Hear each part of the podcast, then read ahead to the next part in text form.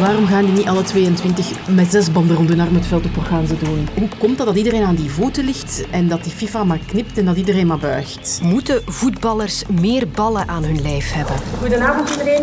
Het zijn op zijn zachtst gezegd turbulente dagen geweest. Begroting brengt altijd forse debatten teweeg. Waarom krijgen we onze begroting zo moeilijk op orde? Toch gaat gewoon uw bek kloppen. Mijn ticket, stuk in nog.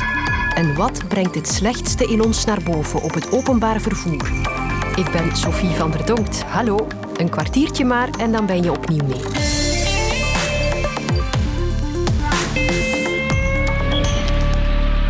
Het WK is aan zijn derde dag toe en voorlopig lijkt de aandacht maar weinig naar het voetbal zelf te gaan. Geen buitenspel, Gakpo raken, gescoren. 1-0 Nederland. Geen Niet de doelpunten worden vandaag besproken bij de koffie, wel de heisa over de fameuze One Love aanvoerdersband.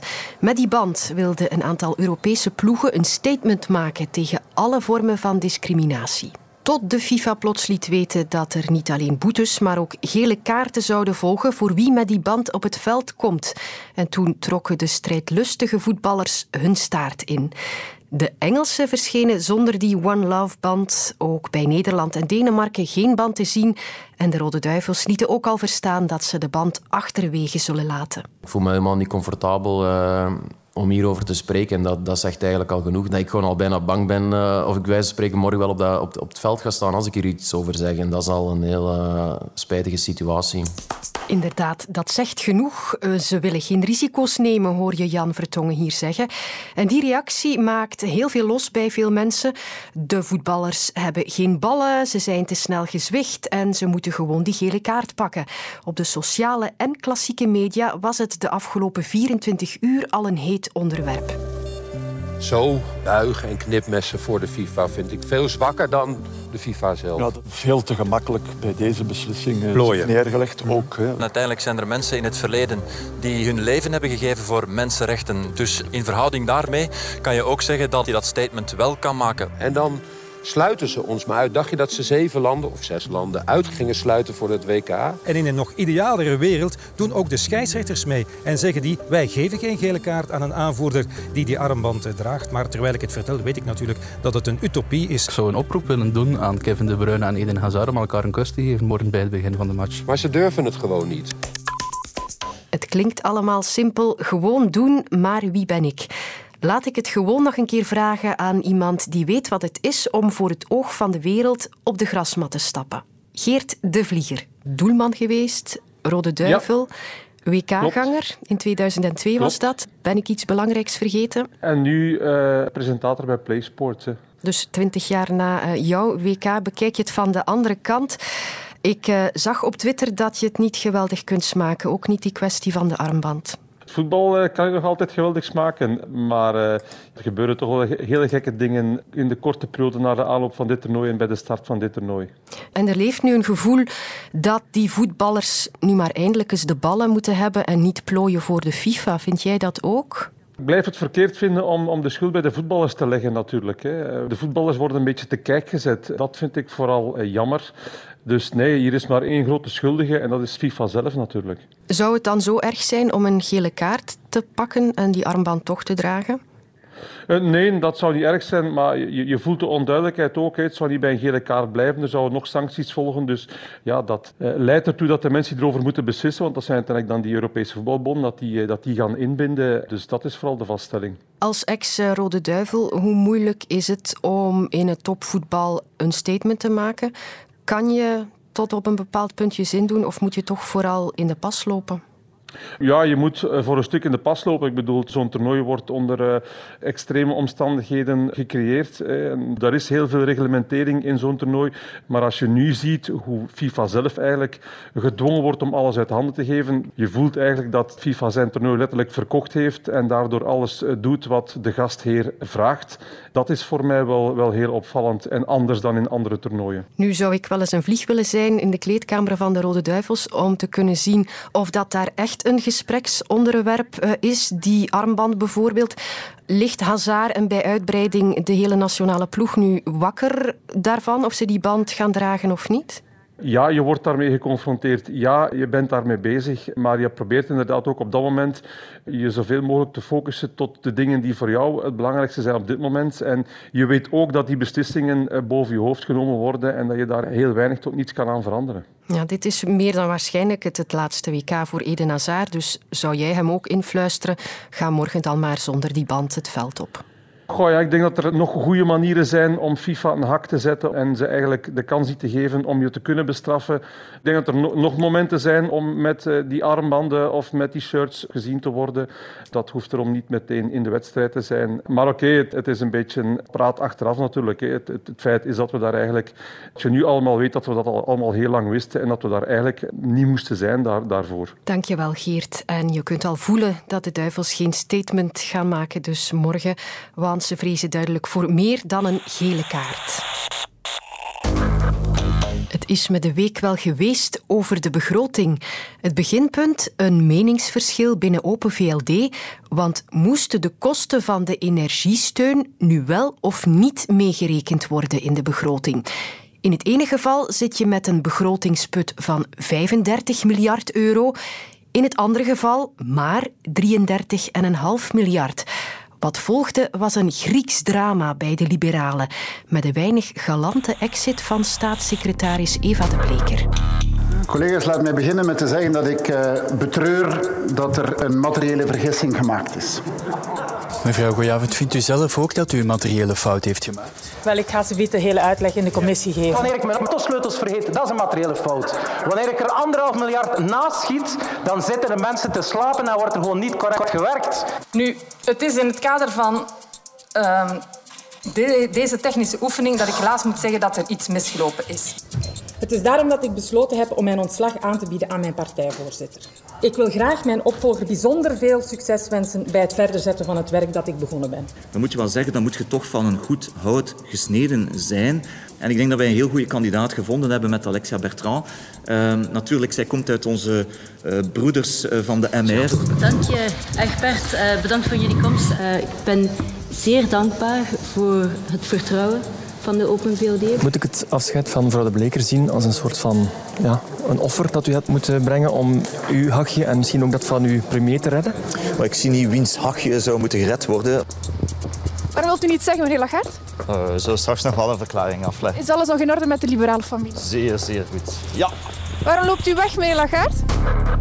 Je zou voor minder weglopen, misschien ook van die diepe begrotingsput. Maar hoe komt het dat we hier zo worstelen met de cijfers? De begrotingsspecialist van ons land, econoom Wim Moese, fileert de Belgische aanpak. Wij in Europa hebben nogal de gewoonte een beetje neerdunkend neer te kijken op uh, de zogenaamde Club met landen, Portugal, Spanje, Italië en Griekenland. En ik heb gekeken, het gemiddelde van die vier landen is eigenlijk 2,7% van het BPP-tekort. Dat is de helft van bij ons. En dat maakt een enorm verschil. En nu kom ik dan eigenlijk tot de kern van de zaak. Wij grijpen in omwille van die oliecrisis en de geopolitieke spanning. En ook bij corona hebben we dat gedaan.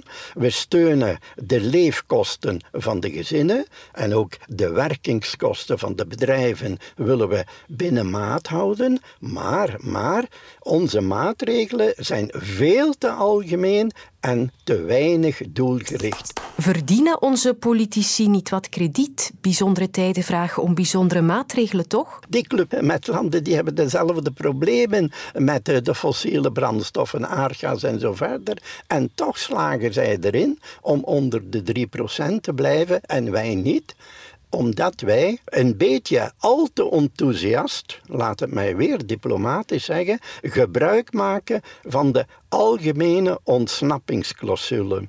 Wat betekent dat? Dus omwille van die moeilijke omstandigheden heeft Europa gezegd, voor vier jaar op een rij gaan we de algemene regels, die strenge budgettaire normen niet toepassen, algemene ontsnappingsclausule. U moet met andere woorden geen formeel examen bij ons afleiden over de begroting.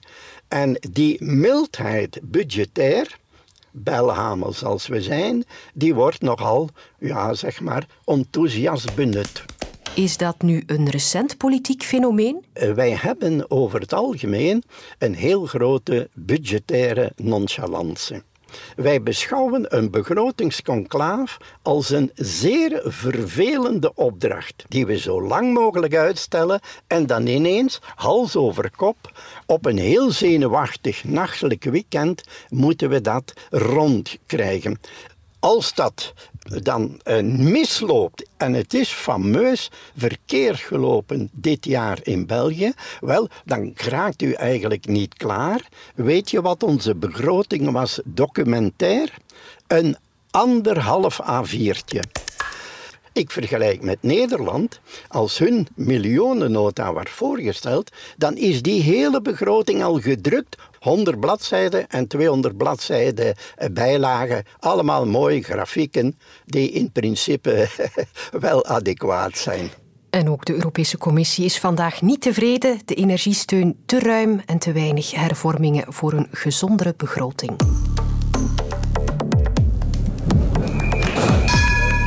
Toeval of niet, maar de MIVB en de Lijn kaarten vandaag allebei het gebrek aan respect aan voor hun personeel. Want dat personeel krijgt nogal wat te verduren. Gaat gewoon uw bek kloppen. Mijn ticket, stukje te nog. Och jongen, kus me. Rij met uw bus en aan uw bekjes. Een Brusselse rapper, Youssef Swat, zelf de zoon van een buschauffeur, heeft er nu ook een nummer over gemaakt. Respect. Les phrases que vous venez d'entendre, c'est pas juste une chanson, c'est une réalité. Ce sont les mots qu'entendent les employés de la STIP tous les jours. Respect, respect. Een oproep voor respect dus, want dag in dag uit hiermee geconfronteerd worden, dat doet iets met een mens. Daar kan loketmedewerker David Haalterman over meespreken. Ik werk nu al sinds 2008 bij de MVB, dus heb ik natuurlijk al veel meegemaakt. Meestal is dat als mensen bij mij aan de boutique komen met een probleem met hun abonnement of met een betaling of eender wat, dan hopen die mensen natuurlijk dat ze bij mij een oplossing krijgen. Natuurlijk, ja, wij zijn ook gelinkt aan procedures en sommige dingen kunnen en mogen wij doen en sommige dingen kunnen wij niet oplossen.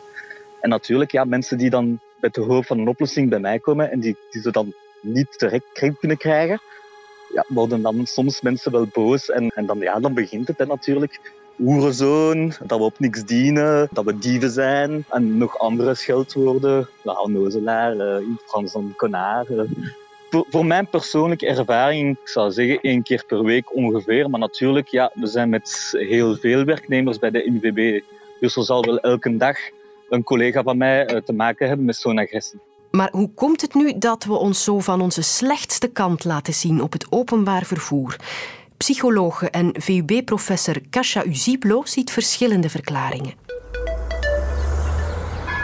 Heel vaak zien we toch dat het gaat over personen die heel moeilijk hun eigen emoties onder controle kunnen houden. Of toch niet heel goed weten hoe er adequaat hè, mee om te gaan op een prosociale manier. Dus bijvoorbeeld ze ervaren stress omdat de bus te laat is of omdat ze stress hè, meedragen van op hun werk. Ze moeten ook dringend naar huis om voor de kinderen te zorgen en dergelijke.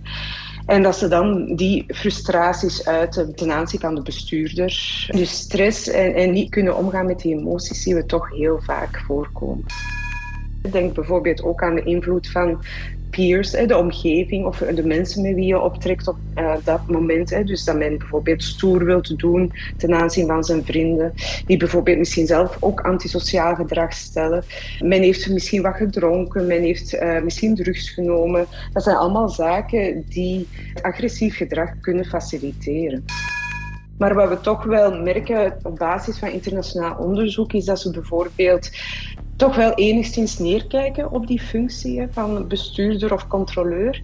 En dat dat aspect juist de drempel doet verlagen voor sommigen om zich dan agressief op te stellen ten aanzien van die persoon. Het kan ook zijn dat ze zich hè, afzetten tegenover dan een autoriteitsfiguur, in deze bijvoorbeeld de controleur. Maar we merken inderdaad dat de reactie van controleurs of wie dan ook, loketbedienden, ook wel een belangrijke rol spelen. We zien bijvoorbeeld dat het heel belangrijk is dat bestuurders, als ze daarmee geconfronteerd worden, juist heel rustig blijven. Want hun reactie doet er ook toe. Hè. Dus het kan heel snel escaleren als de bestuurder dan ook heel veel stress ervaart, snel wil kunnen doorrijden bijvoorbeeld, en dan inadequaat reageert, hè, door bijvoorbeeld ook eens kort te reageren. En dat kan eigenlijk de situatie verergeren.